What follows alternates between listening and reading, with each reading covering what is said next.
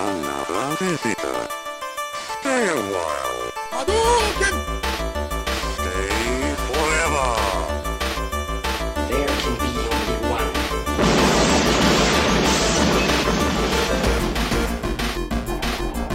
Disappointed!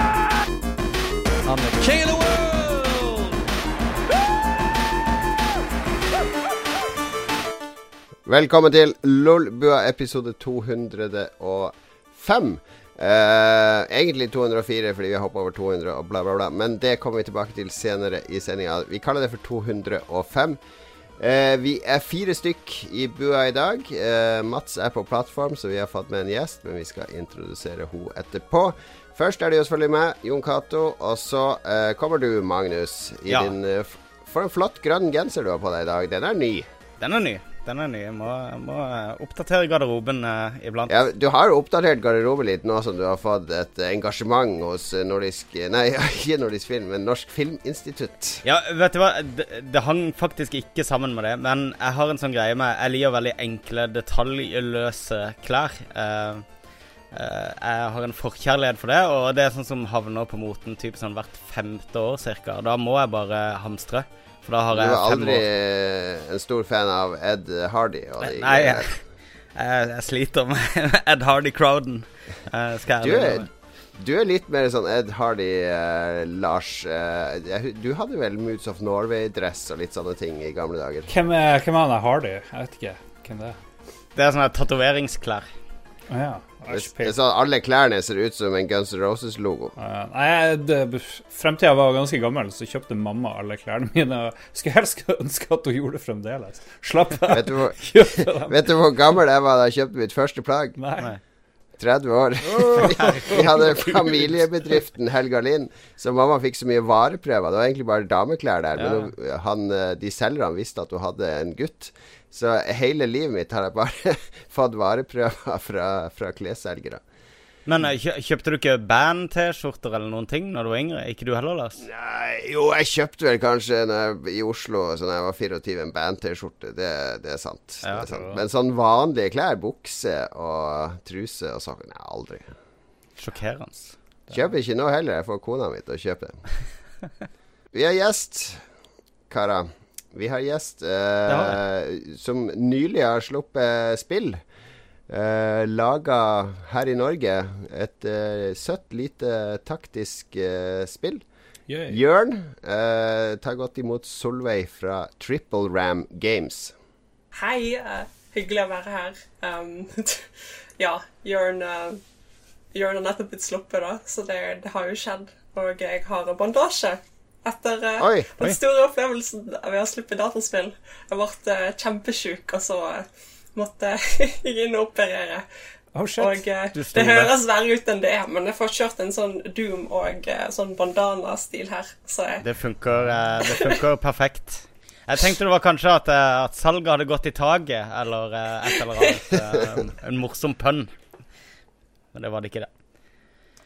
Men det, det er første Altså Triple Ram Games Vi skal snakke litt mer om, eh, om eh, spillet ditt og firmaet og hele opplevelsen etterpå. Eh, vi bruker jo å åpne med en, eh, en spalte der vi deler litt om hva som har skjedd i det siste. Eh, og jeg ble jo veldig nysgjerrig på den bandasjen så jo veldig alvorlig ut. Går det bra med deg? Har du, har du lov fra legen å være med på podkast? Yes, jeg har legeerklæring, så alt er på stell.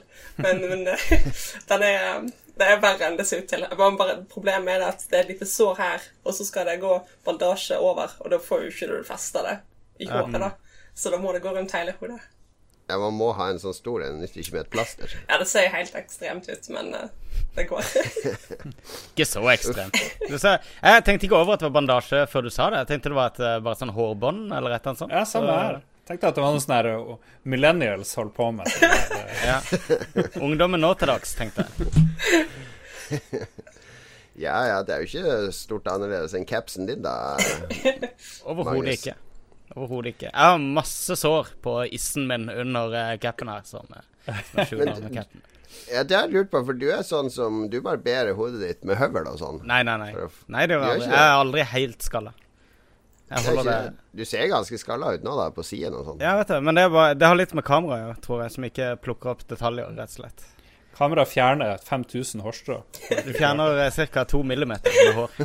Er min teori. Fjerner 2 millimeter. Ja, har det skjedd noe i livene eh, våre, karer? Nei, jeg tror ikke det. Drit i oss. Ingenting? Jeg har vært på sånn her eh, kveldsvakt- og helgevaktuke, så det har ikke skjedd noe som helst eh, i det hele tatt. Bare jobbing, bare kjedelig. Jeg må si du lagde en tråd i Entourage, eh, Lars, som eksploderte eh, i Ja. løpet av forrige uke. Ja. Så vi kan ja. eh, snakke community-wise.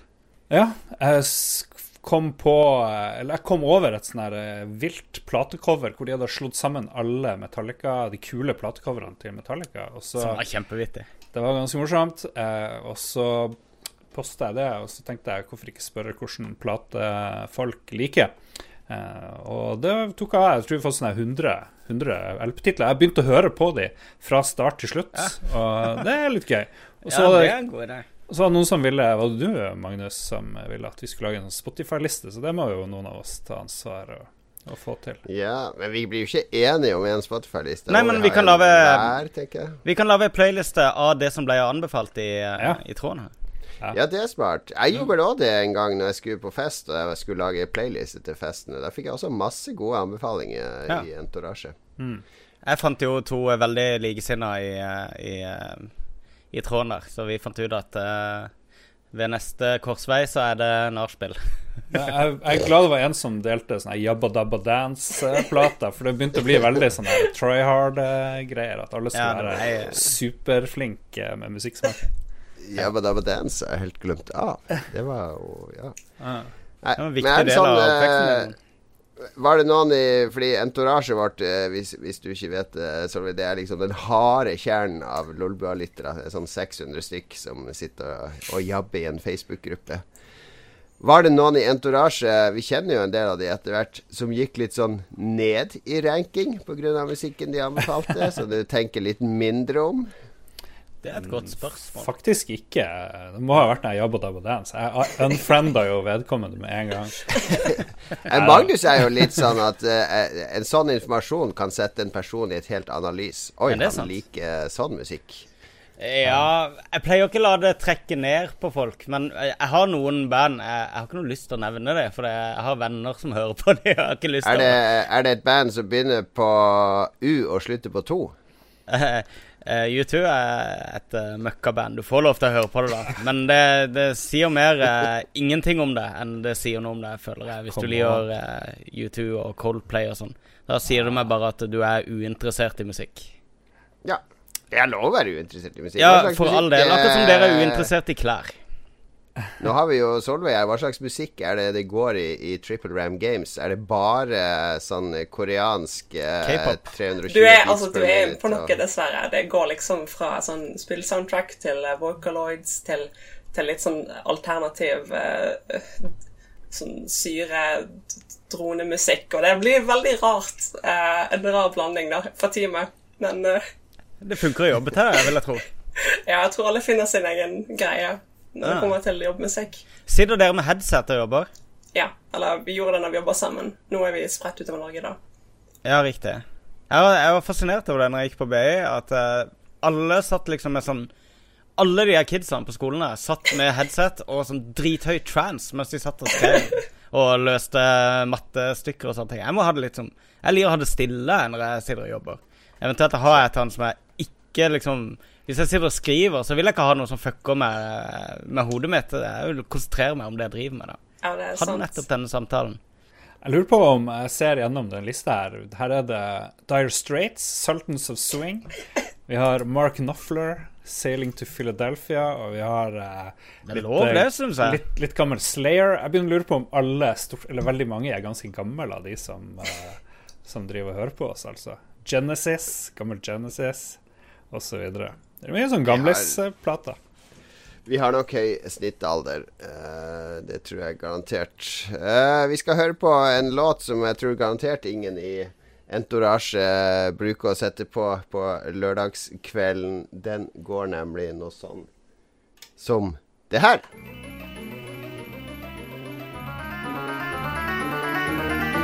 It's still Dre Day, nigga. AK, nigga. Though I've grown a lot, can't keep it home a lot.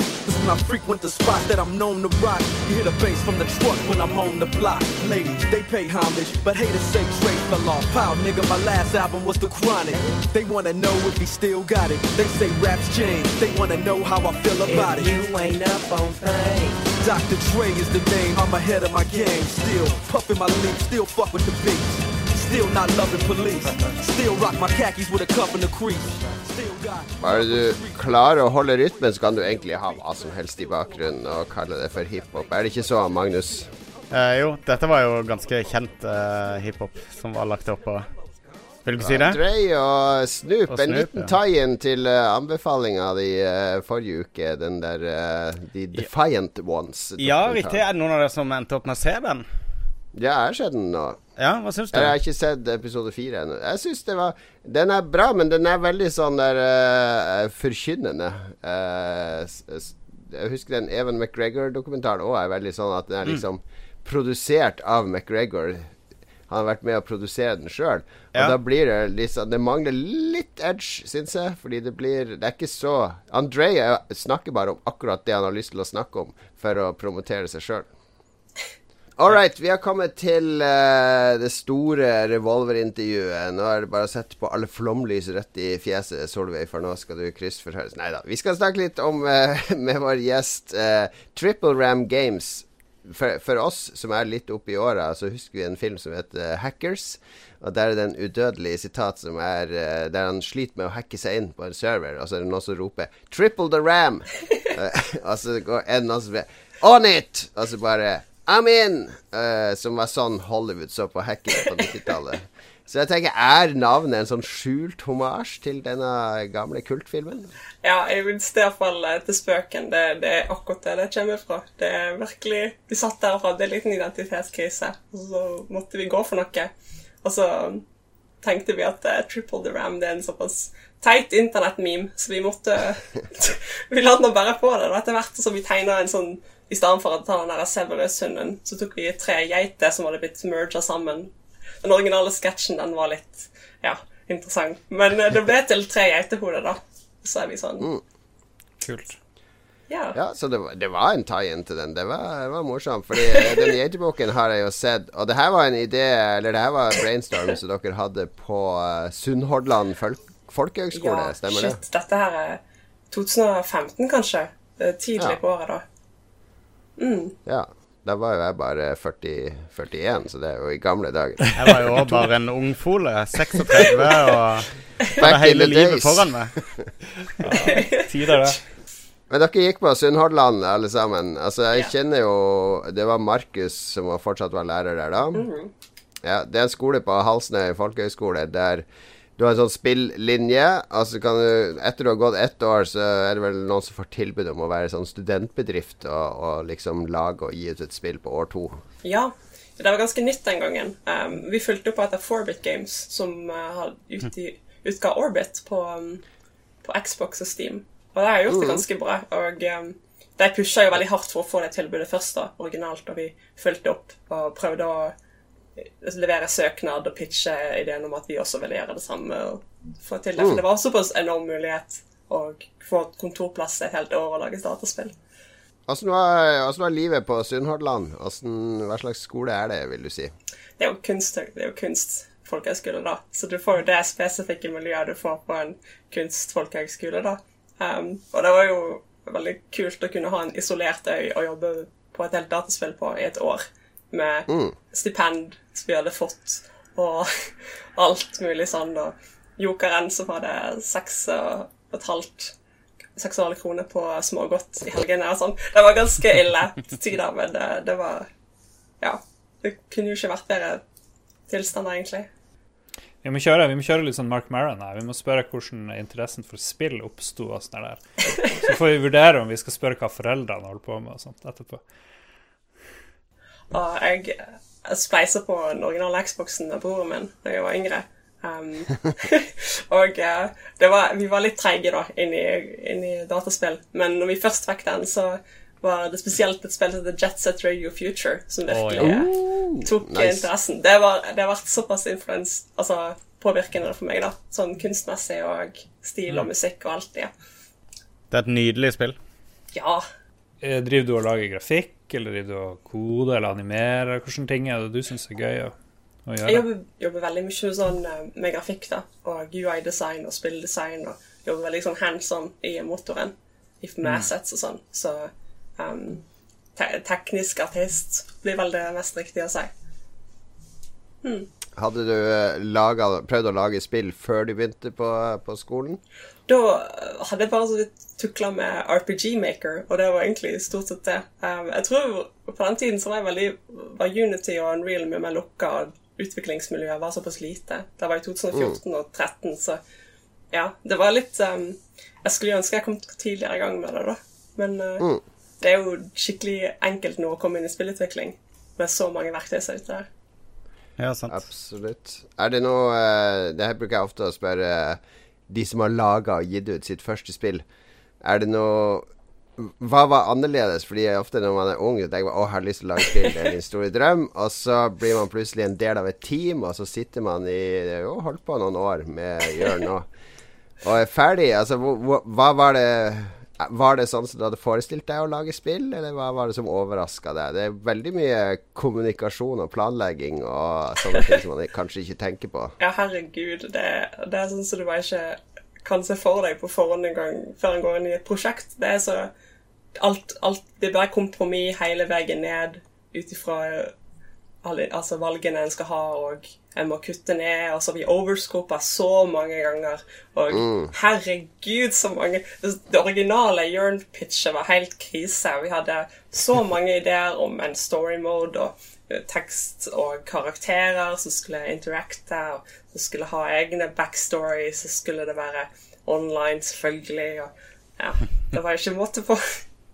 Det er rookie mistakes, men det, det gjør alltid at andre spiller Eller det er viktig å huske hva man lærte til andre spillet, for jeg har også sett at det er mange som glemmer fort. Mm. Spesielt det der med scopinga. Men er det Triple Ram sier du er spredd over hele landet? Jeg, vet, jeg har jo ansatt uh, Alexandra, som er programmerer hos oss. Uh, hun har jo uh, jobba videre på fritida på, på Jørn. Uh, er det sånn at Triple Ram vil fortsette? Vil dere fortsette å lage spill sammen, eller eh, er det liksom Nå har vi fått det ut, nå går vi hver vår vei. Det er noe vi vurderer sånn i forhold til å kunne fortsette, for vi har jo Steam-lisensen og eh, ulike verktøy og devkits og ting som og, Altså midler som vi kan bruke da, til å um, jobbe med spille andre spill og alt mulig. Og vi vet jo at vi funker i lag, men ingenting er bestemt akkurat nå. Og målet var veldig å få spillet ut, da. Så nå er jo det ute. Og vi har Og du har lyst til å fortsette å lage nye spill? Ja, definitivt. Enten med TripRam eller ikke, så har jeg kjempelyst til det.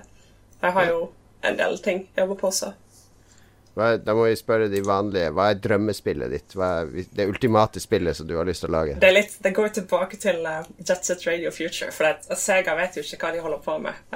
Og, eh, og det er jo litt synd, for at uh, jeg har jo Altså det, jo, det blir jo en veldig måte, simpel måte å si det på, da. Men jeg har skikkelig skikkelig lyst til å få en sånn creative lead på Jetset Radio um, reboot eller en oppfølger eller et eller annet sånn, og bare rette alle feilene. For det- til tross for hvor mye jeg liker det spillet, så er det såpass mange ting som må endres, og som bare må ut døra med en gang. Det, ja, det er veldig hat-elsk-greie. Jeg har sett litt videoer fra Jørn. Har du forklart eh, Kan du forklare litt eh, meg og de som ikke helt vet hva det er? Hva det egentlig går ut på? Ja, selvfølgelig. Det er et eh, partystrategispill um, som uh, går ut på at du har en tyrann som fungerer som en mobilbase. Og uh, du kan spåne, og du kan angripe fra den, og du kan omgjøre å ta den andre tyrannen, for da dreper du den, så kan ikke de andre spåne, og da er du slått ut. Så da må å bygge den opp da, i level så fort som mulig, og drepe den andre. Litt sånn Moba-elementer. Ja, så de har ulike krefter, da, og ulike personligheter og ulike stats. Den ene tenker i den andre risikabel, glasskanon og ja. Litt så Og så leveler du opp i løpet av runder, på en måte, i løpet av kampen. Ja. Mm, avhengig av valg og sånn. Vi hadde jo en session med de i Krillbite, og jeg, eh, jeg sto mest og så på det. Men det, det så jo ut som det var liksom uh, turn-based. At, at du velger mange trekk. Ok, jeg sender disse styrkene bort og angriper det. Og da kan den spilleren gjøre mottrekk mot det, da, for da vet han at de kommer der. Og det blir veldig sånn lag på lag med trekk og mottrekk. Og så spilles alt ut i real time, og så er det bare sånn kaos av ting som skjer. Ja, det er den store tvisten på det. For at um, vi, vi, originalt ville vi lage Vi ville prøve å tilpasse sånn um, strategisjangeren, og spesielt realtime, inn på konsoll, og få alt til å funke opp med det, da. Um, og det prøver vi veldig hardt på, så alt av menyer er lagd rundt håndkontroller, egentlig, da. Um, rundt radial menus og sånne ting. Men yes, og så Det, det funka veldig bra. Jeg syns også konseptet med at du velger mange trekk, og så spilles de ut uh, i real time samtidig, er veldig kult. Det er ikke så mange spill jeg har sett som har gjort det, og det at du har det multiplayer òg, det er veldig behagelig partyspill. Kan, eh, Si simultaneous turn-based combat. Det er Det er å en sjanger, jeg lover. Den er litt obskur. Ja, men det er kult. Jeg har aldri hørt noen bruke det uttrykket før, så det er bare å coine det som dere som er i gang. trademark. Ja, veldig kult. Hvordan har eh, launchen vært? Det var 6. april, var det? Eller noe Yes, sånt? på fredag. Da Ja. slapp vi spillet. Og det var veldig spennende. Um, det har jo kanskje ikke solgt så mye, men vi er jo i pluss, og alltid vært i pluss. Um, vi var jo kanskje litt forberedt på at det kunne skje, da, men å launche et uh, local multiplayer-spill på Steam, det er jo Ja. Kanskje Mm. Ja, men ikke anbefalt. Nå er dere, nå er dere å, å lansere det her i Lolbua, så da er det garantert 10 000 Yes! salg. Det er 10 Hvis 000 lett. du, Ja. hvis du refresher Steam nå, så vil du se at det bare ta, Salget bare går i taket. Yes. Gratulerer, du er millionær. Yes! Nå, jeg trenger det. disse studiepengene, herregud. Nei, men kult. Nå gleder jeg meg. Nå har jeg lyst til å prøve. Eh, Spillet er jo Det koster 61 kroner på Steam akkurat nå. Yes, det er på Så- salg. Det er på launch-salg nå med 15% Yes, så det, det må vi jo kunne anbefale folk å, å gripe sjansen. Vi driver jo og streamer hver fredag, så vi skal se at vi, om vi kanskje får skvisa inn en hjørnesession og en eller annen fredag. Ja, det må vi gjøre. Det må vi gjøre. Nei, men tusen takk for at du eh, delte det, og til ære for Jørn og lanseringa og alt. Selvfølgelig litt uh, Jetset Radio. Hey.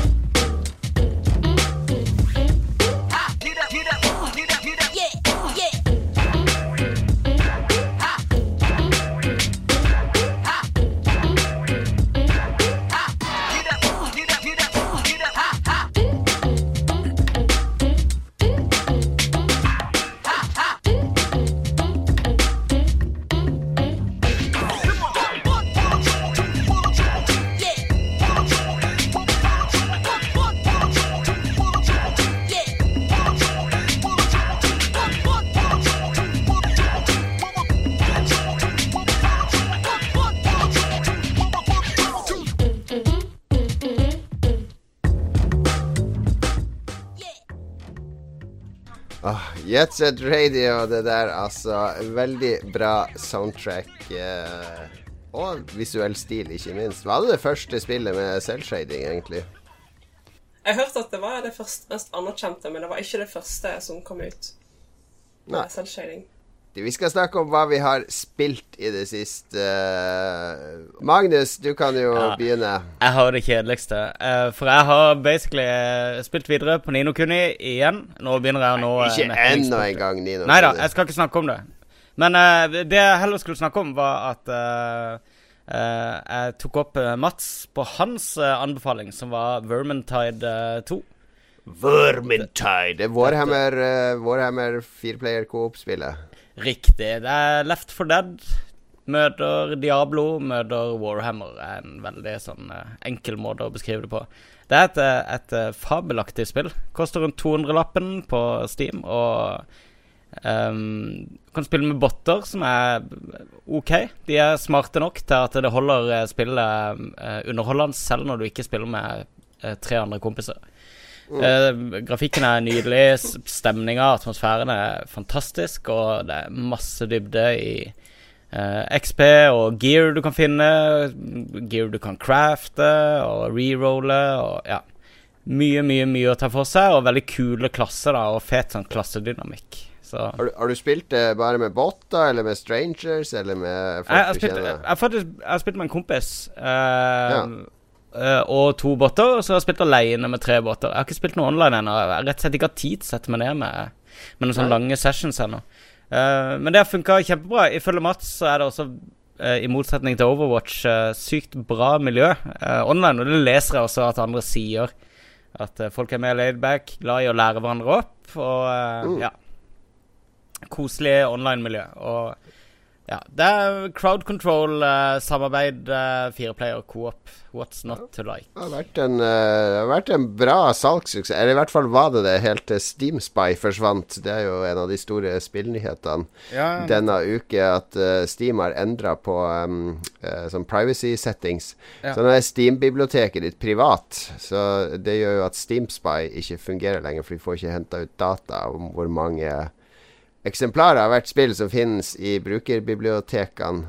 Eh, en ganske forhasta oppdatering fra Steam, fordi sammen med den oppdateringa så forsvant jo muligheten til å spille sammen med venner, for du får ikke se hva vennene dine spiller, eller hva, hva slags spill de har. Oh shit.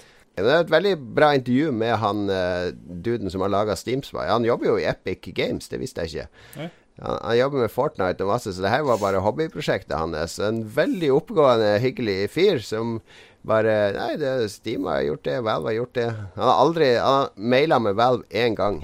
En gang Yes. fikk han svar på mail. Det store.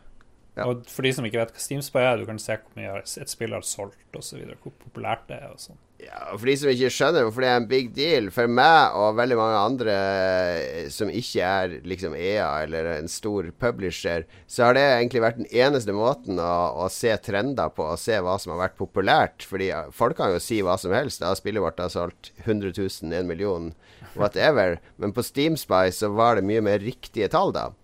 Og så kunne du se på sjangre. ikke sant? Du kunne se på et tverrsnitt av en sjanger og si ok, denne sjangeren er på vei opp nå, denne sjangeren er på vei ned. Masse, masse data du kunne hente ut av det.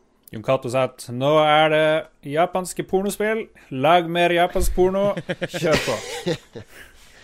Jeg ser jo frem til mye sånn farverike salgstall eh, i NFI og Østnorsk Filmsenter-søknader. Ja, Ja. Nå, har, nå har du ingen nå, Du som sitter og, liksom vurderer disse søknadene, nå har du Ja. ingen måte å etterprøve påstandene på. Nei, ikke sant? Ja, jeg solgte Ja. 300 000 av det for, første spillet deres. Ja, jøss. Ja, ja. Får gi deg penger, da.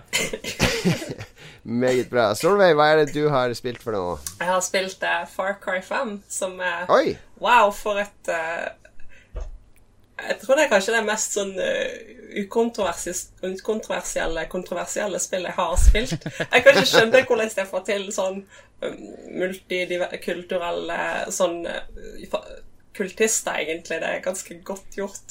Wow.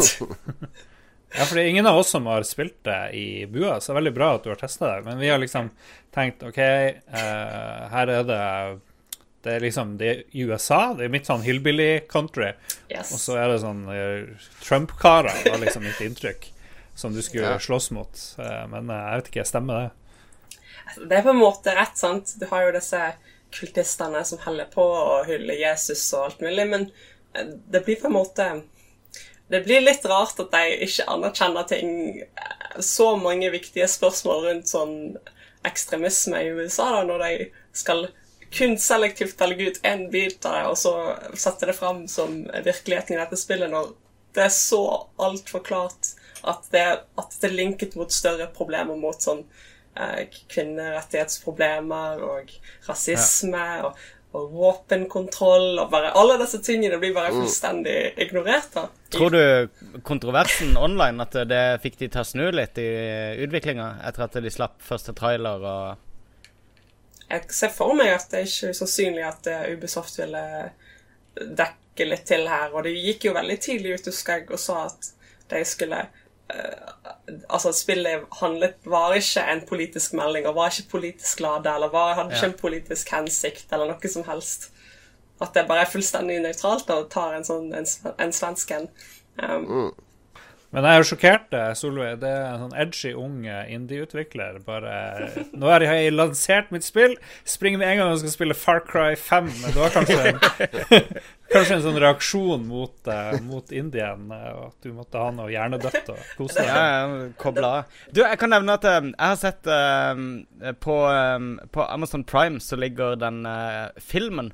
For det, Ubisoft har en veldig, veldig lei uvane av å lage sånne små, korte filmer som liksom skal sette deg inn i storyen til spillene sine.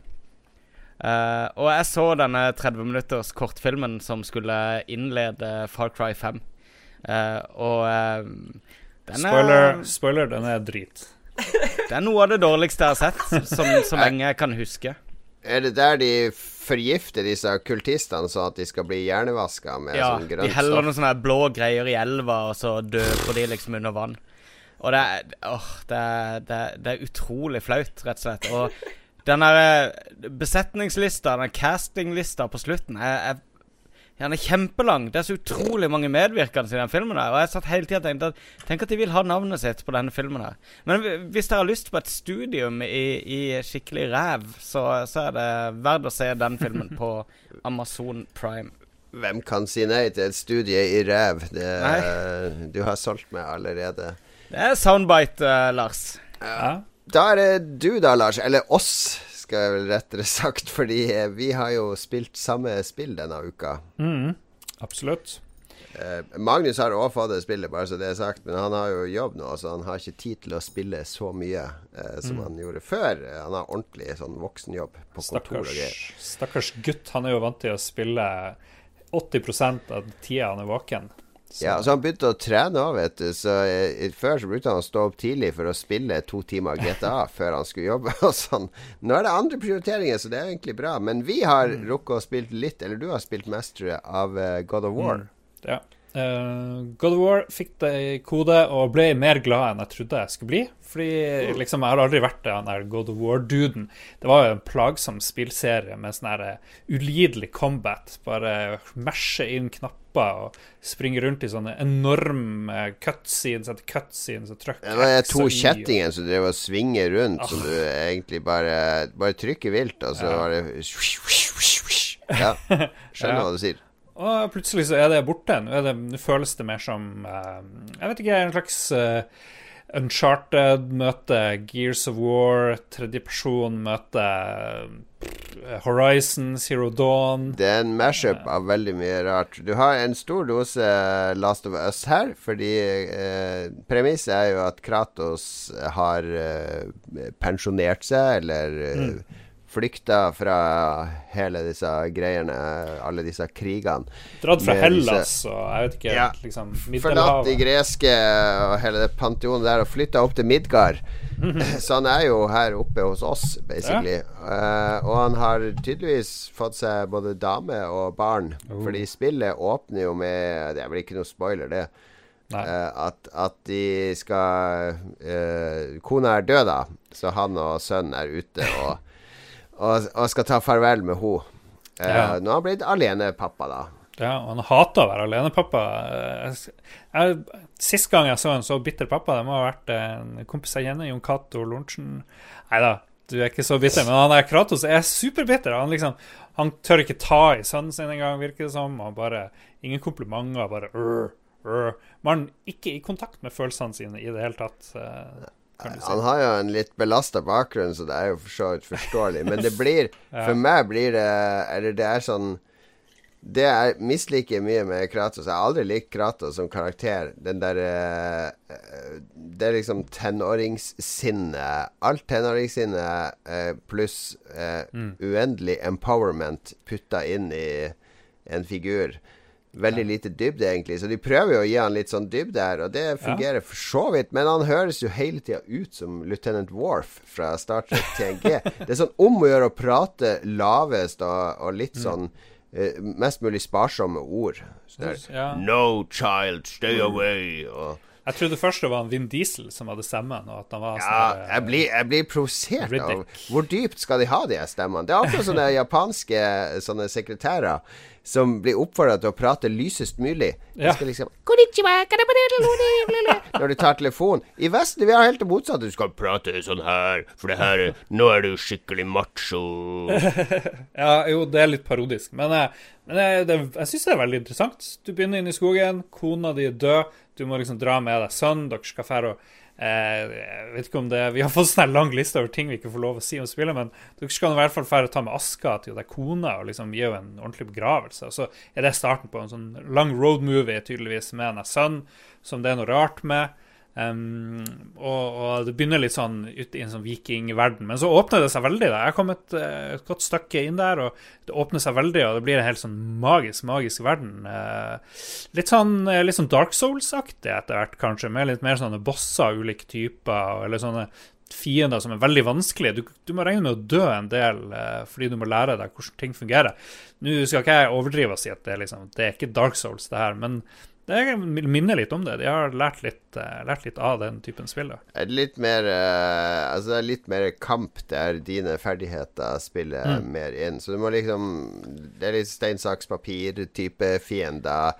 Noen må du bruke våpen mot, noen må du bruke barehanded, eh, noen funker det å kaste øksa på, osv. videre mm. Så det er liksom lære seg hva slags fiender det er, og hva, hvordan man best Ja. bekjemper de, og så er det Eh, altså, jeg spiller er jo sånn super Ubisoft-infisert. Det er jo også noe jeg ikke liker. At eh, sånn skills og oppgraderinger i huet og ræva på Kratos skal Ja. oppgradere våpen, skal oppgradere utstyr. Du skal crafte, du skal samle ingredienser, så er skal crafte nytt utstyr. Du kan putte inn Overalt. runer overalt. Ja, overalt ligger det penger og dill og dall som liksom skal brukes i dette puslespillet, og XP som skal brukes til å kjøpe ting, penger som skal brukes til å oppgradere ting. Eh, som jeg uh, Jeg har ikke spilt langt nok til å vite om det faktisk er noe branching her. Altså Er det sånn at man kan lage ulike builds? Uh, fordi ofte Det som jeg føler i Ubisoft-spillene, er at du ender opp med den samme figuren med de samme powerne uansett. Det er veldig lite måte å, å Nå skal jeg spille Rogue-stil, eller nå skal jeg spille Mage, eller nå skal jeg spille Fighter. Du blir liksom den samme bølla uansett. Jeg tipper, jeg tipper du har rett, men jeg har ikke kommet langt nok til å si at sånn er det. Men jeg tror du kan få, få kjøpt det meste. Og når vi Um, først er inne på irritasjonsgreia, så hater jeg også at hele spillet er at du følger med en sånn bok. Han der ungen skriver jo bok når du reiser rundt. Og hver gang du møter en ny fiende, eller dreper en fiende på en spesiell måte, så er det sånn Å ja, du kasta øksa så at han ble sittende fast i veggen. Hvis du gjør det på 25 fiender, så skal du få 300 XB. Du får sånn, Ja. får sånn bok med sånn der eh, Ja. task, taskliste, som også moderne spill elsker å gi meg en 100 sånne tasks som jeg skal drive og kjipt. jobbe mot. Ja, Det er litt kjipt, for sant, du møter ganske tidlig i spillet en sånn sykt kul fiende, syns jeg. Han er, det Grafisk er å spille kanskje noe av det peneste jeg har sett noen gang. Er veldig pent. Og, og du møter en sånn sykt kul fiende. Kanskje er han immortal, kanskje ikke.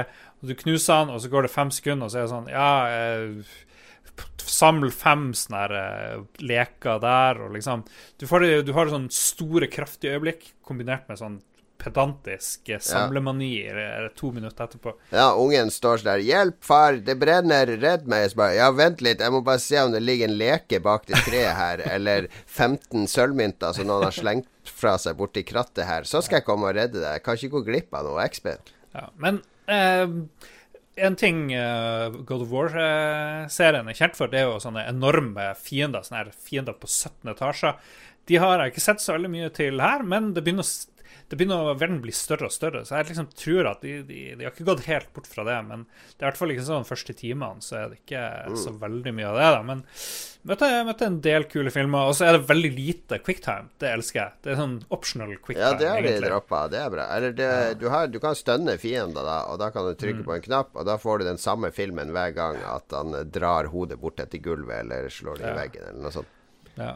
Nei, men det, det ser veldig bra ut, og veldig bra surround for dere som har sånne surround-ting. Jeg jeg, tror jeg lik- jeg liker det her spillet veldig, veldig godt, egentlig. Er det sånn jeg er jo den store hateren her av disse spillene. Jeg liker jo ikke Uncharted. eh, Jeg liker jo ikke disse Ubisoft-spillene som regel.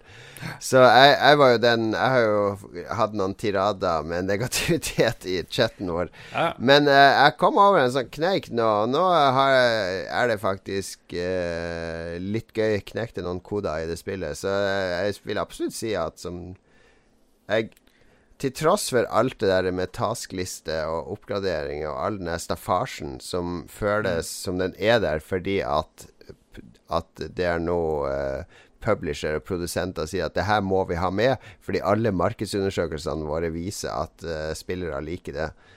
Til tross for alt det, så er det såpass velprodusert spill, og kampsystemet fungerer faktisk, selv om det ikke er helt Dark Souls, Bloodborne-kvalitet på det. Men uh, det, omgivelsene er veldig bra. Arkitekturen er også noe de har blitt inspirert av Dark Souls, for det er litt sånn der Du går litt frem og tilbake på kryss og tvers i sånne Ja. områder der du liksom låser opp shortcuts og, og kan backtracke litt og, og gjøre ting. Det er masse å oppdage og finne. Så, Ja. Så er det noen kule puzzles òg, faktisk, eh, etter hvert. Så Nei, enig. enig Og så møter du veldig mye kule karakterer jeg har møtt. Så eh, det, ja. blir det her liksom årets Horizon Zero Dawn? Er det Goti-materiale her? I hvert Ja. fall vår, vår sjef Jostein er jo veldig glad i Horizon. Sjokkert over at Jostein ikke har spilt det, for det her er sånn han Det er tydelig at han ikke har spilt det, for da hadde han brukt hvert sekund i sosiale medier og chatten vår og drev og eh, fortalte om hvor bra det her var. Men jeg tror faktisk det kan være årets eh, Horizon. Selv om den første timen, timen er veldig kjedelig til tider, dessverre. Ja. For de som lurer på hvorfor Magnus og Solveig er så stille, og Magnus ikke forsvarte seg når vi drev og hang han litt ut i starten av eh, God of War-snakkinga vår, så er det fordi meg og Lars spiller det her inn sånn på, i lukka kammer pga. embargos og sånne ting, så vi kunne ikke spille det inn offentlig. Ja, og eh, jeg vet ikke når det kommer ut. Det er sånn her eh, Det er neste uke, ja, 18.20. Og neste uke kommer jo også Yakuza 6, så jeg må jo skynde meg å bli ferdig med God of War, så jeg kan spille årets egentlige godtid på PlayStation. Ja. Du må, komme, du må i hvert fall spille til du kommer til en sånn skilpadde. Skal ikke si noe mer, men når du ser den skilpadda, bare What? What's going on? Jeg skal spille videre nå. Jeg ble litt gira nå i sted når jeg spilte rett før sending. Uh, når ting begynte å falle på plass. Jeg begynte å oppgradere ting. Endelig kunne jeg bruke alle disse materialene til noe. Så må jeg ut og samle mer materiale. Materiale, materialer, penger, penger. Materiale, materiale. XP, XP. Det er det livet handler om i moderne spill.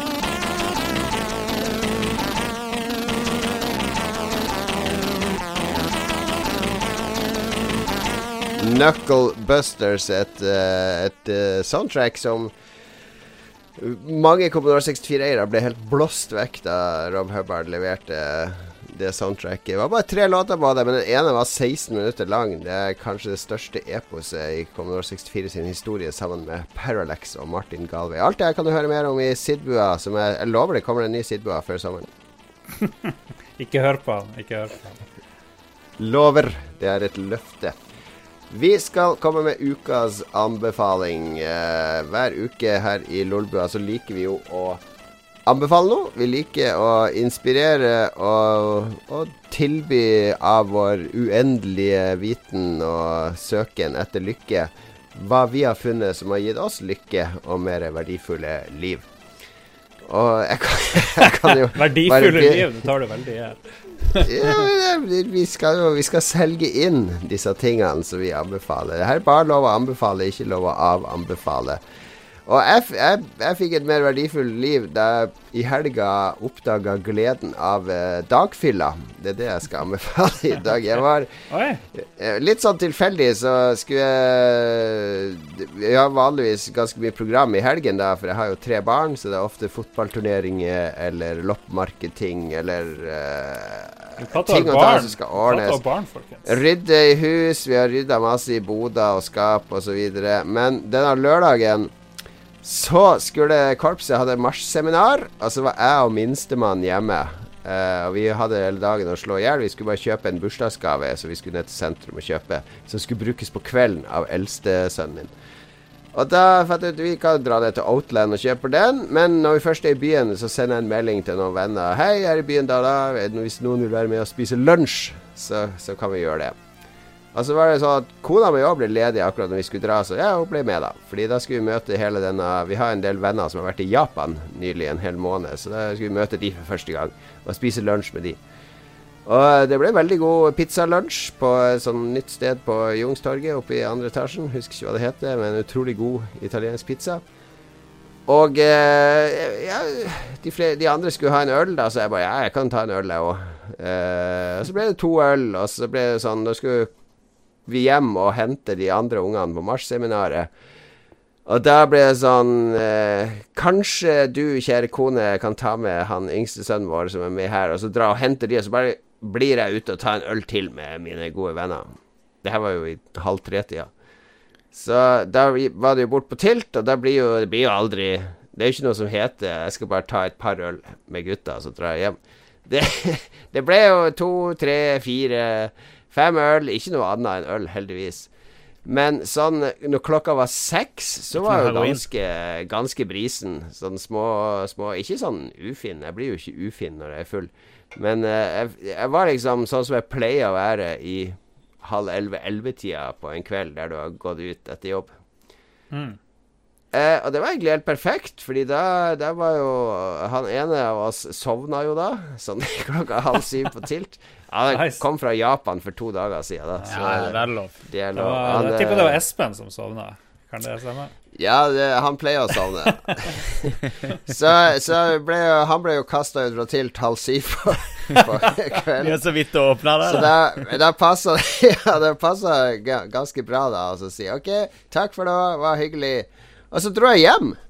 Eh, og kom hjem og lagde meg pytt i panne. Fantastisk godt. Og uh, ungene la de i seng, og da var det ned og se film og drikke brus og ha liksom vanlig lørdagskos. Og gikk og la meg i tolvtida, og det var en helt fin dagen etter. Men jeg hadde liksom hadde vært ute og drukket dagen før. Uten at du trenger å dra det ut til sånn i ett-to-tida på natta og spise kebab og, og sovne og så være helt ødelagt dagen etter. Jeg hadde liksom fått akkurat den opplevelsen jeg ville ha, nemlig å ta noen øl på byen og bli litt brisen. Pluss kombinert med å være hjemme, se film, spille litt dataspill, legge meg. Veldig bra. Jeg er veldig stolt over anbefalinga di. Jeg føler at jeg har brutt new ground her med sånn konseptanbefaling, og her er dagfylla, altså. Får en skikkelig dundra Litt sånn semi-alkoholikertendens-anbefaling. Men Takk, takk for det. Jeg liker også veldig godt å gå på kino på dagtid. Det å gå på kino sånn rundt klokka Ja. tolv. Det å komme ut av en kino sånn to-halv tre-tida og vite Nå har jeg en hel dag foran meg. Jeg skal ikke ta TV-en hjem og gå og legge meg. Jeg, skal liksom, jeg har hele dagen foran meg. Det er også en veldig Nei, dagfylla og dagkino anbefales på det varmeste. Lars? Ja, um, jeg skal anbefale en podkast, men bare én episode av den. Og den heter, den heter You Are Not So Smart. Og eh, de hadde nylig en episode om noe som kalles split brain, som bare blåste hjernen min eh, ut av begge ørene samtidig. Det handler bl.a. om folk som eh, får eh, av de, fleste koblingene mellom høyre og venstre hjernehalvdel og effektene det har på mennesker. For det er noen som har sånn helt vill epilepsi, masse sånne svære anfall hele tida, og liksom for å prøve å bremse de, så har de funnet ut at eh, å, liksom dele hjernen din i to For hjernen din er jo egentlig to deler. Eh, noe sitter på høyre del, noe sitter på venstre del, og noe sitter vel litt sånn frem og bak, men hovedsakelig delt i høyre og venstre. Og høyre hjernehalvdel styrer venstre del av kroppen din, og, og så vice versa. Og det som er så sykt, det er at uh, de her folkene som har blitt fått hjernen sin delt i to, dem har de selvfølgelig kjørt masse eksperimenter på for å se hvordan vi egentlig fungerer, og resultatene er bare supersjokkerende. Uh, du har liksom folk som begynner å krangle uh, med seg sjøl, f.eks. Uh, noen som sitter på kvelden og skal kanskje jobbe litt, skrive med en blyant, så plutselig begynner den andre handa å liksom prøve å kaste bort blyanten og sånn. Fordi du har tydeligvis du er litt sånn, En del av deg har lyst til å jobbe, en annen del har ikke lyst. Er del. Og så har du sånne ting som at eh, når du har delt hjernen din i to, så driver du ett øye og ser. Eh, Høyreøyet ditt ser på eh, venstresida, og venstre øyet ditt ser på liksom registrerer høyresida. Siden det er så lite kommunikasjon mellom de to delene, så klarer liksom ikke de å kommunisere og fortelle hverandre hva de ser. Og det er en veldig morsom effekt, f.eks. For fordi talesenteret ditt eh, sitter på venstresida av, av eh, hodet ditt. Så noe du ser på, på eh, med høyreøyet ditt, det klarer, klarer venstresida av hjernen å formulere og snakke litt om. Men eh, det motsatte det klarer den ikke. Og det bare, den ser ikke ting som er der. Og, og det er masse masse morsomme resultater ut av det. Og så drar de plutselig inn Trump, da, fordi Trump det må jo kunne dra inn på alle ting. F.eks. hvis verden din plutselig blir skikkelig dårlig, hvordan vi klarer å bedrive selvbedrag. For det klarer de her folkene med manglende kobling mellom høyre og venstre hjernehalvdel. Eh, de driver og bedrar seg sjøl hele tida. Fordi f.eks. den ene sida av hjernen eh, klarer å plukke med seg at du ser en, eh, kanskje noe veldig morsomt på den ene sida. Men så klarer ikke den andre sida av hodet ditt å liksom formulere hvorfor du føler deg glad, fordi kanskje den kognitive delen eh, ikke får tilgang til det her. Så da driver folk og ikke helt vet hvorfor de føler seg lykkelig, men så bare dikter de opp en eller annen historie, selv om det er helt sånn tydelig at her ser du et eller annet veldig morsomt. Og så bare lager hjernen en helt ny historie om hvorfor du føler det, det du gjør, som ikke har noe med liksom, fysisk virkelighet å gjøre. Og, og og det er bare Det er sånn en halvtime med mind blown hele veien. Fett. Og eh, det heter da split brain-effekten, tydeligvis. Og podkasten heter You're Not So Smart. Jeg så en, eh, en dokumentar om noe som jeg tror heter Alien Hand Syndrome. Kan det stemme? Henger det sammen med dette? Kanskje. Muligens. Der var det en som Der var det liksom at det, eh, det var en som bare var nervevrak, for han kunne ikke sove engang fordi at det, jeg tror det var venstrehånden hans prøvde å kvele han hele tida. Og drev og knakk fingrene på den andre hånden og masse sånn her. Prøvde å kjøre han ut av veien når han kjørte bil. Og han var helt ødelagt. Det kan jo- Men det der kan var det jo- liksom at eh, kroppsdeler tok, eh, hadde sitt eget liv, da. Som ikke de hadde kontroll over. Ja, vet du et annet navn på alien hand syndrome? Nei. Dr. Strangelove syndrome, faktisk. Ja, riktig. Ja. Det er jo uh, Kubrik-filmen med han i rullestolen som, eh, som ikke klarer å kontrollere hånda som skal opp i sånn Hitler-hilsen hele tida. ja, riktig. ja, ja, ja. Det er Peter Sellers, ja. Mm. Jeg begynner å tro at vi egentlig ikke har noe kontroll over kroppene våre, eh, egentlig. Det er liksom det er min eh, konklusjon. Det er jo som en PC, ikke sant. Hvis du begynner å herpe CPU-en og andre ting, så skjer det jo. Da, altså, da funker den jo ikke sånn som den skal. Jeg hørte at dette var noe de prøvde å få til for å kurere autisme, da, sånn back in the day. De kutta ut den der eh, linken imellom. Eh, Så det kan jo ikke ha vært helt bra, da. Men uh, det er sikkert masse gøye historier fra sånn Ja. Dere kan Ja, var se videoer ut av det på YouTube og sånt, de her eksperimentene òg. Ve veldig bra anbefaling. En podkast som heter You Are Not So Smart. Altså, Lars, følte du at du ble smartere av å høre den? Ja, i hvert fall litt mer kunnskap, i hvert fall. Er det, er det dealen med den uh, podkasten, Lars? Uh, tar de opp sånne ting? Er det liksom sånn minidokumentar om nye temaer hver gang? Uh, egentlig. Tribal psychology, masse machine bias, narrative persuasion, sleep deprivation er det en hel episode om. Masse, masse rart. Jeg syns du skal anbefale hele driten, eh, Lars. Kun én episode. Kun You Are episode. Not So Smart. Hjerneepisoden anbefales av Lars. Da får du kunnskap, og alle vi som har spilt dataspill, vi vet jo fra Mortal Kombat at There is no knowledge that is not power. Et udødelig dataspill. Sitat. Eh, Magnus, eh, hva er det du har gjort i det siste? Du har funnet en indre ro, har jeg skjønt på anbefalinga di. Uh, nei, jeg har ikke, men jeg har sett en dokumentar i to deler om en standup-komiker som uh, var ganske flink på akkurat den uh, fronten der. Gary Shandling, kjenner du deg til han? Nei. Jeg lurer, om, jeg lurer på om For noen år siden så anbefalte jeg The Larry Sanders Show i eh, Lolbua.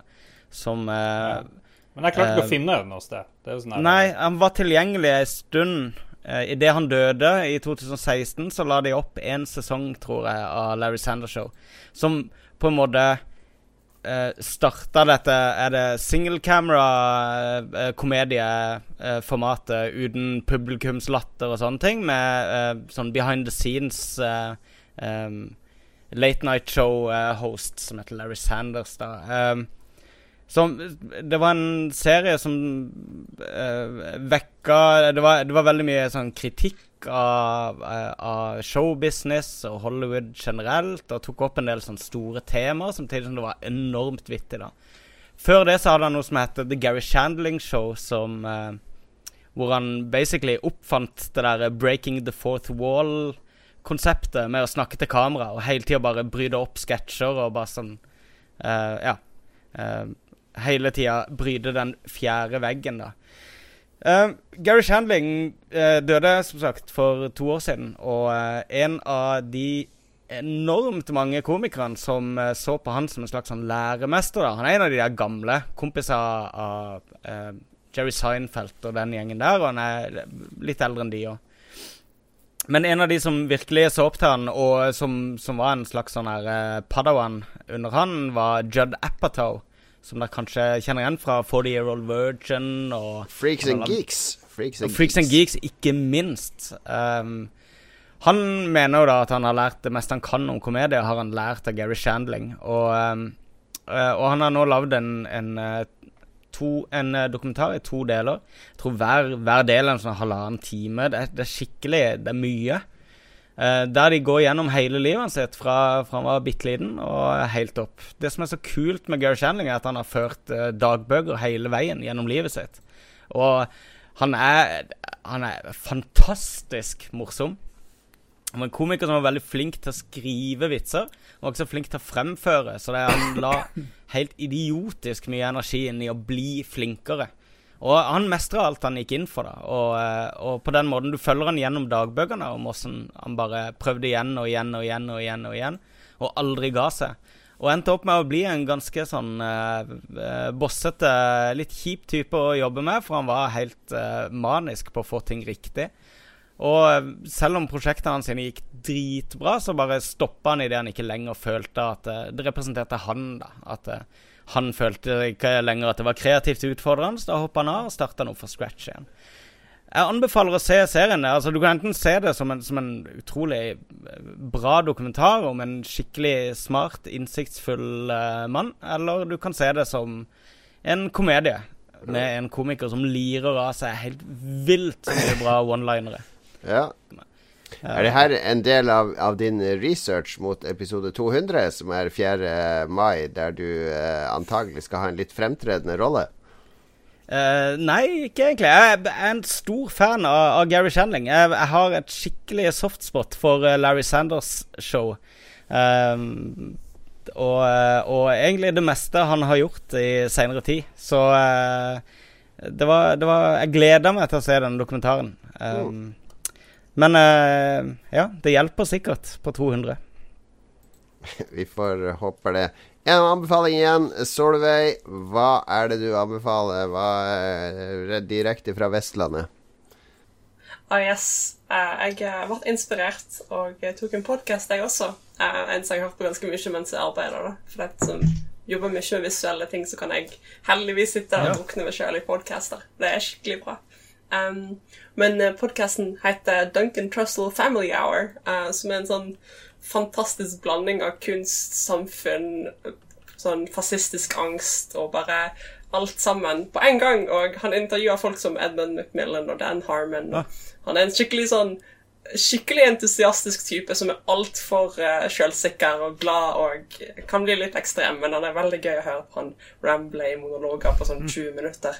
Um, litt i sånn uh, Justin Roiland-stil, egentlig. Men uh, skikkelig bra podkast som bare går egentlig i dybden på en del ting uh, rundt sånn eksistensiell angst og mye sånne gøye ting, da. Um, og ja, det er bare bra underholdning, egentlig. Hva er det episoden handler om? Er det noe sånt tema hver gang, eller er det mer sånn Ja, det blir på en måte et tema de tar opp rundt med hver eh, person jeg snakker om det. Sånn, sånn, Det er en ny gjest, eh, ny gjest i hver episode, yeah. kanskje? da Ja. så rundt Edmund Macmillan-episoden så snakker de om denne her, um, de kristne temaene og i um, Binding of Isaac. Og de snakker om sånn uh, hvordan det var å vokse opp som, vokse opp som katolsk, og liksom hvordan det påførte eh, Hvordan det påvirka livet hans, og åndelighet i livet, og magi, og mye sånn um, Ja. spirituelle ting, egentlig.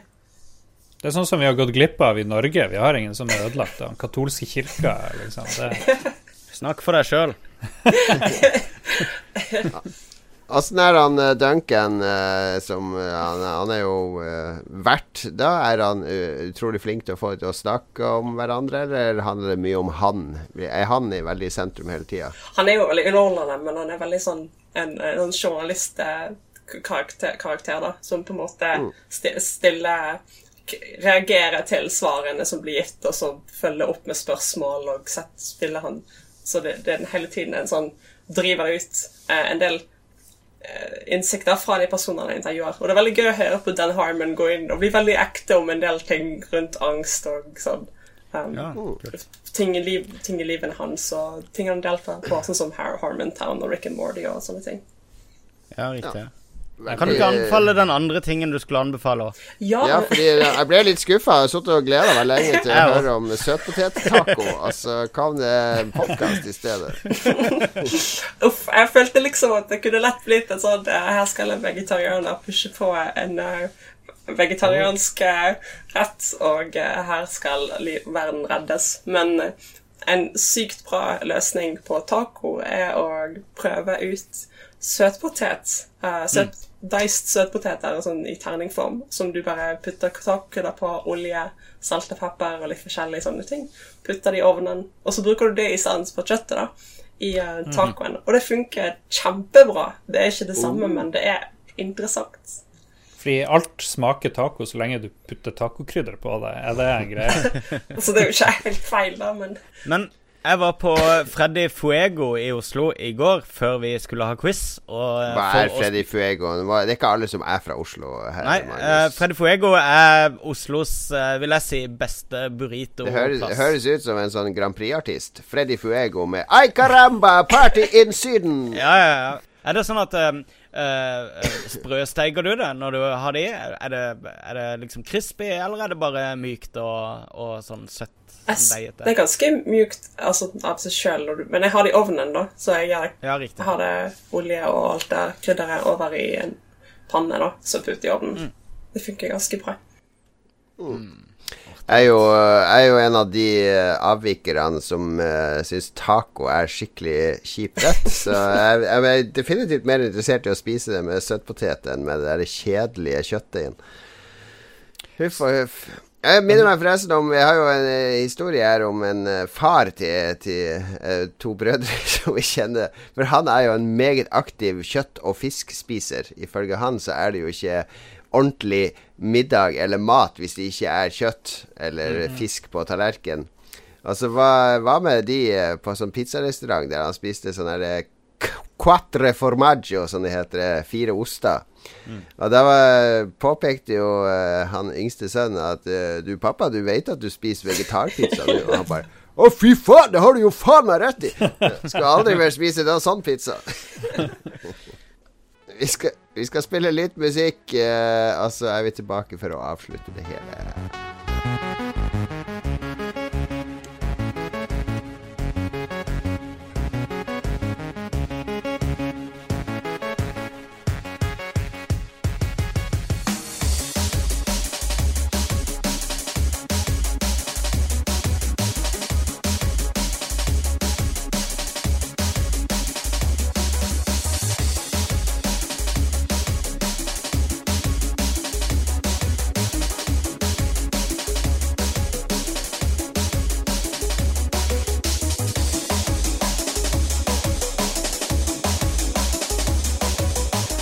Drum and bass-remix der av eh, Spy versus Spy-tema. Husker dere de to eh, spionene i Mad-tegneserien? Yes. Hvem heider dere på? Den sorte og den hvite. Jeg heider jo alltid på den hvite. Det var, jeg var jo barn når jeg leste de her. Ja. Min far hadde en stor Mad-samling fra 60-tallet. Så eh, svart farge ble jo Det var jo skurker som gikk i svart. Spøkelseskladden og Jeg heier på eh, Og jeg har alltid hatt sånn good guy-greie. Jeg har alltid heid på good guys eh, alltid ellers, men svart spy, det var min uh... Men hva tenkte du første gang du så Spy versus Spy versus Spy? For det var Det dukka av og til opp, og da var en sånn kvinnelig spion som begge de to, han svarte og hvite, var forelska i. ah, Og hun lurte de alltid trill rundt for å stakke av med de hemmelige planene. Ok, nå ble det veldig mimring for gamle tegneserieentusiaster her. Vi sparer det til tegneseriebua. Har vi noe input fra, fra våre lyttere denne gangen, Lars?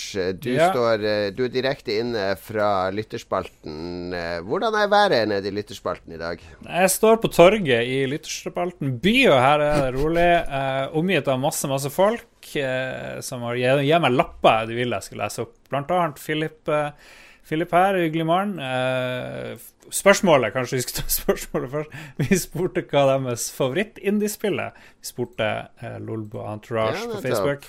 Litt, nød, litt nødspørsmålet lukter Ja, veldig, veldig, veldig. Men det er jo til ære for Solveig og Jørn, som er gitt ut et uh, true indie-spill. Og hva er deres favoritt-indie-spill? Philip, eh, morsom som bestandig, svarer Final Fantasy 7. Det er det han svarer på alle Han er, eh, han er i, Hvis det her hadde vært sånn sitcom, så hadde han vært en sånn Kramer-type. eh, sånn one trick-type som bare har den yes. samme vitsen i hver episode. Han hadde blitt skrevet ut i sesong én. ja, ganske riktig. Jeg takk for bidraget, Philip. Takk, Philip. Ja. Kan du spørre eh, Solveig, hva er favoritt-indiespillet ditt? Oi. Um, Bortsett fra ditt eget. yes, selvfølgelig. Um, jeg kan, kan jeg svare rett, så jeg spilte for litt uh, siden. Det var Oxenfree, som er nå på tilbud på, på Switch til 5-75 Og det er sånn utrolig bra spill hvis du liker konspirasjonsteorier og sånn vennehistorier og Det er jo sånn coming of age-greie, da, men den er skikkelig bra skrevet. Bra musikk og bra bilde. Jeg har begynt på det et par ganger. Jeg syns det er litt treigt i begynnelsen, men tar det seg opp eh, Tar det lang tid før det liksom sparker fra? Ja, for det var akkurat det. sant? Jeg, jeg startet på det, og jeg, jeg slet litt på å komme i gang med det. Og jeg begynte på det mens jeg var på flyet, fram og tilbake et par ganger. Og så kom jeg aldri helt inn i det. Og så satte jeg meg ned en kveld, og så kom jeg forbi de første 45 minuttene, og da, da starter det. For du begynner å bli dragd inn i de her konspirasjonsteoriene og liksom hva som er bakgrunnshistorien og her. Og, og ja, det blir bra, altså. Syns det. Switch var en god idé på det. Det var Ja, en god idé til Switch-spill. Ja, det er på salg nå. Uh, Passer bra. Mitt favoritt-indiespill er Among the Sleep. Shocking news. Men uh, du er den andre som har nevnt Oxenfree i dag, Solveig. For min venn Kian Krogstad, eh, lege, best legen i Harstad, anbefales. Uh, han anbefalte det i dag. Og han anbefaler også, i likhet med Kristoffer Gettoboys Hansen Leistad, Stardew Valley. Bortsett fra at du får, kan få uh, senebetennelse i tomlene av å spille Stardew Valley, fordi det er så sånn avhengighetsskapende. Og de her kontrollerne på Switchen er jo altfor små. Unnskyld meg. Det heter Star Lars, det heter Stardew, ikke Stardew Valley. Det, men uh, ap apropos Stardew Valley, jeg leste jo nå at uh, multiplayer-oppdateringa er rett rundt hjørnet, så man kan spille multiplayer i Stardew Valley. Han uh, Vegard Mudenia har jo eh, kjørt kampanje for Binding of Isaac før. Et av hans, eller hans absolutte favorittspill, kanskje, så det blir jo nevnt her. Eh, Torbjørn Hope Andersen, Celeste. Den har vi snakka om nylig. Eh, Meget, meget bra eh, fokusert eh, indiespill. Litt i samme gate som Super Meat Boy. Men han drar også fram en gammel klassiker, nemlig VVVVVV. Ja. Karsten Solheim eh, nevner Nex Machina. Det er jo ikke så gammelt. Det er bra spill. Det er bra spill. Torbjørn Preus Skau. Kan ikke Ori and The Blind Forest regnes som indie? spørsmålstegn Gjør i hvert fall det på, list, på Wikien, list of indie game developers. Selv om eh, Og klar, gjør klar drumroll. Selv om selvsagt The Fate of Atlantis er beste indie. Eyo. Ah, nice! Der har du ordspillet på Indiana Jones. morsomt. Det er, det er litt sånn debatt om hva, hva som Hva er er indie? indie, og ikke som jeg følte Det var en sånn der eh, festival jeg skulle melde oss på, noe sånn indie-greier, og der Hva var det de skrev der? Altså, det, indie ble liksom du måtte være Du måtte være fattig, rett og slett. Du måtte bevise at Ja. du ikke hadde penger. Som jeg tenker, jo jo, men ja, det er kanskje Hvis du er et Nirvana, var, var ikke indie når de begynte å tjene penger? Jeg vet ikke. Det, jeg syns det er vanskelig. Ja, det er det. Jens Arthur Lerbakk sier at det blir Shadowrun Returns dersom det teller. Er Han liker også mye Abandonware. Jeg vet ikke om uh, Er Abandonware indie? I don't know. Ingen bryr seg. Erlend Selvik sier Unepic. Hva var Unepic for noe? Det har jeg glemt allerede.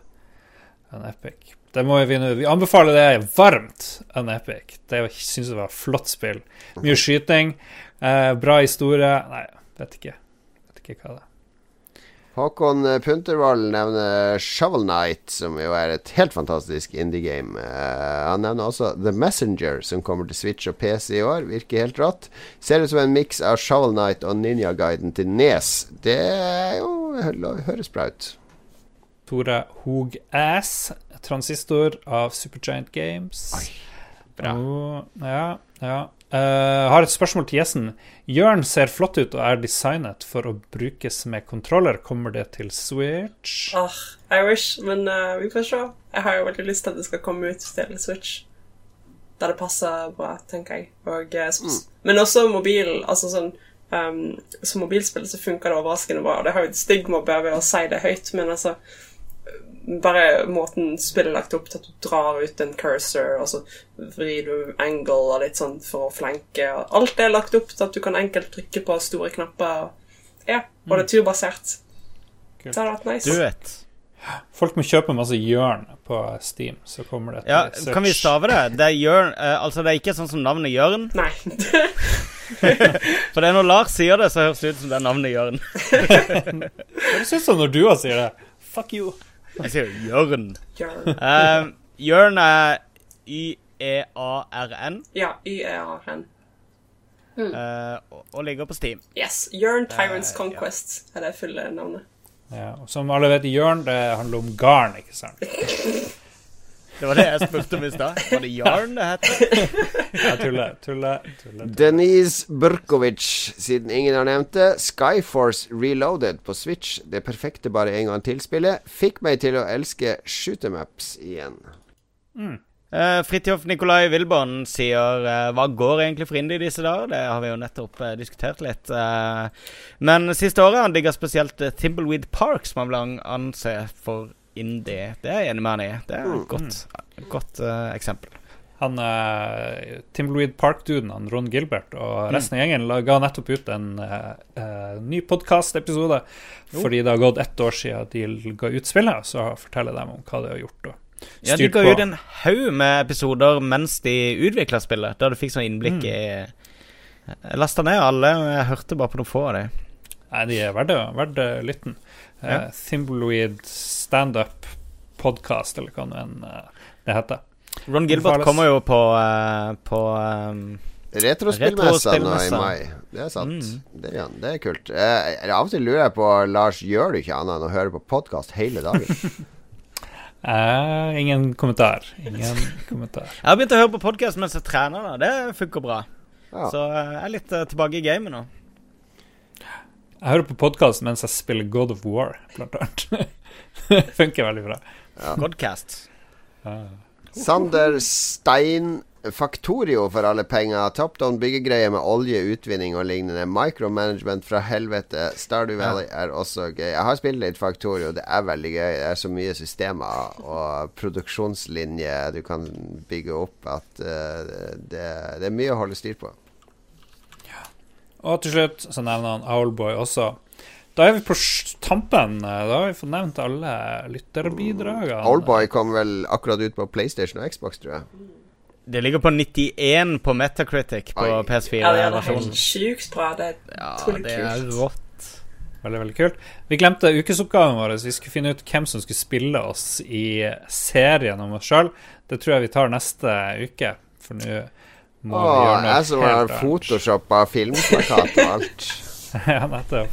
Vi får ta det neste uke. Vi har fått også noen bidrag som er sendt på mail fra lyttere med forslag til hvem som kan spille oss. Eh, gi oss gjerne forslag, eh, alle våre lyttere. Eh, jeg har funnet Jeg har naila det totalt. Jeg har til og med vist den til Jostein, min filmplakat, og han holdt på å dette av stolen fordi Oi, passa Det var helt perfekt casting til filmen om oss. OK. ok Nå er jeg spent her. Grenser for hvor selvopptatt vi skal være her, føler jeg. Ok. Det er ikke det Hva, hva er en podkast om ikke bare kun narsissisme og Ja, hør på meg, nå skal jeg snakke en time, meg og vennene mine. Hør på Kan oss. gjesten være stille, takk? Vi skal snakke mer. Yes! Nå må vi nesten ha litt plass til personligheten min. Har du kost deg på podkast, Solveig? Yes. Er det din første podkastopptreden? Det er det. Det er skikkelig, men det er skikkelig hyggelig å være på besøk. Skal vi, gi- skal vi gi terningkast til gjesten, Lars? Ja, terningkast tre. Veldig bra. Ja, terningkast tre er veldig bra. Det blir ikke bedre enn det. Nei, det Lolbua. Det er ikke tull. Det- Eh, Nei, vi får uh, terningkast uh, 15 på D20. Oi, oi, oi. Det er viktig å ha litt å gå på og ha litt å vokse på. Mm. Sånn at ikke du går rett i mål på, på første forsøk. Da har du liksom ikke noe å strekke deg mot.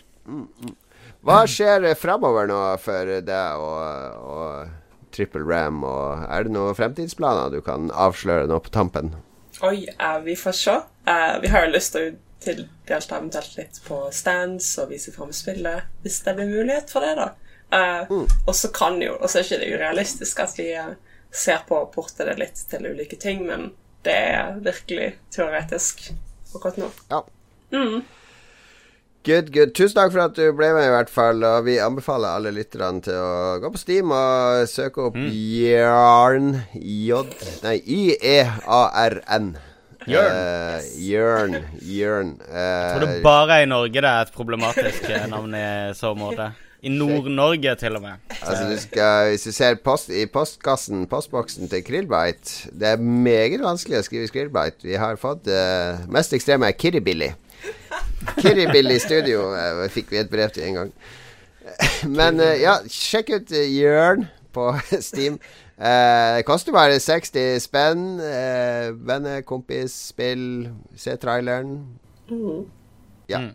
Neste uke så skal vi avsløre hvem som skal spille oss i filmen om uh, Lolbua. Vi har ikke røpa noe mer om uh, 4. mai. 4. mai er episode 200 liveinnspilling. Vi kan vel røpe at vi har en, uh, en annen podkast som også kommer. Ja. Uh, Saft og Svele skal nemlig ha en podkast før oss, uh, så det blir liksom nå har vi blitt, Det er akkurat som U2 når, uh, når Bon Jovi varmer opp for U2. Og Coldplay varmer opp for U2. Ja.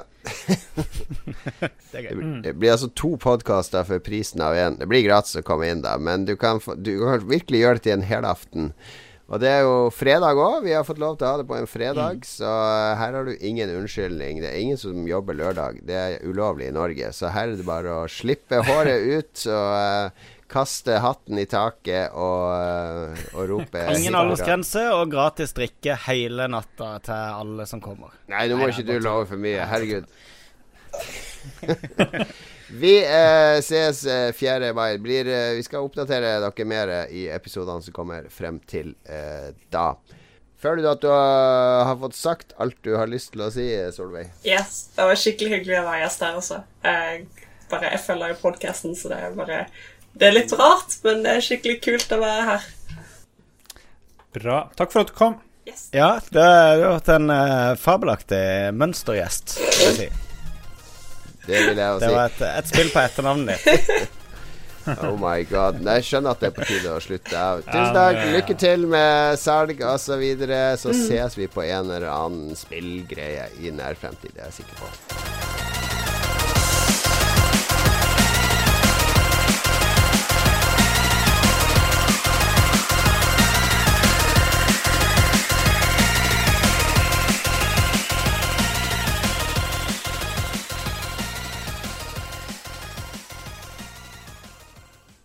Har du et enkeltpersonforetak eller en liten bedrift?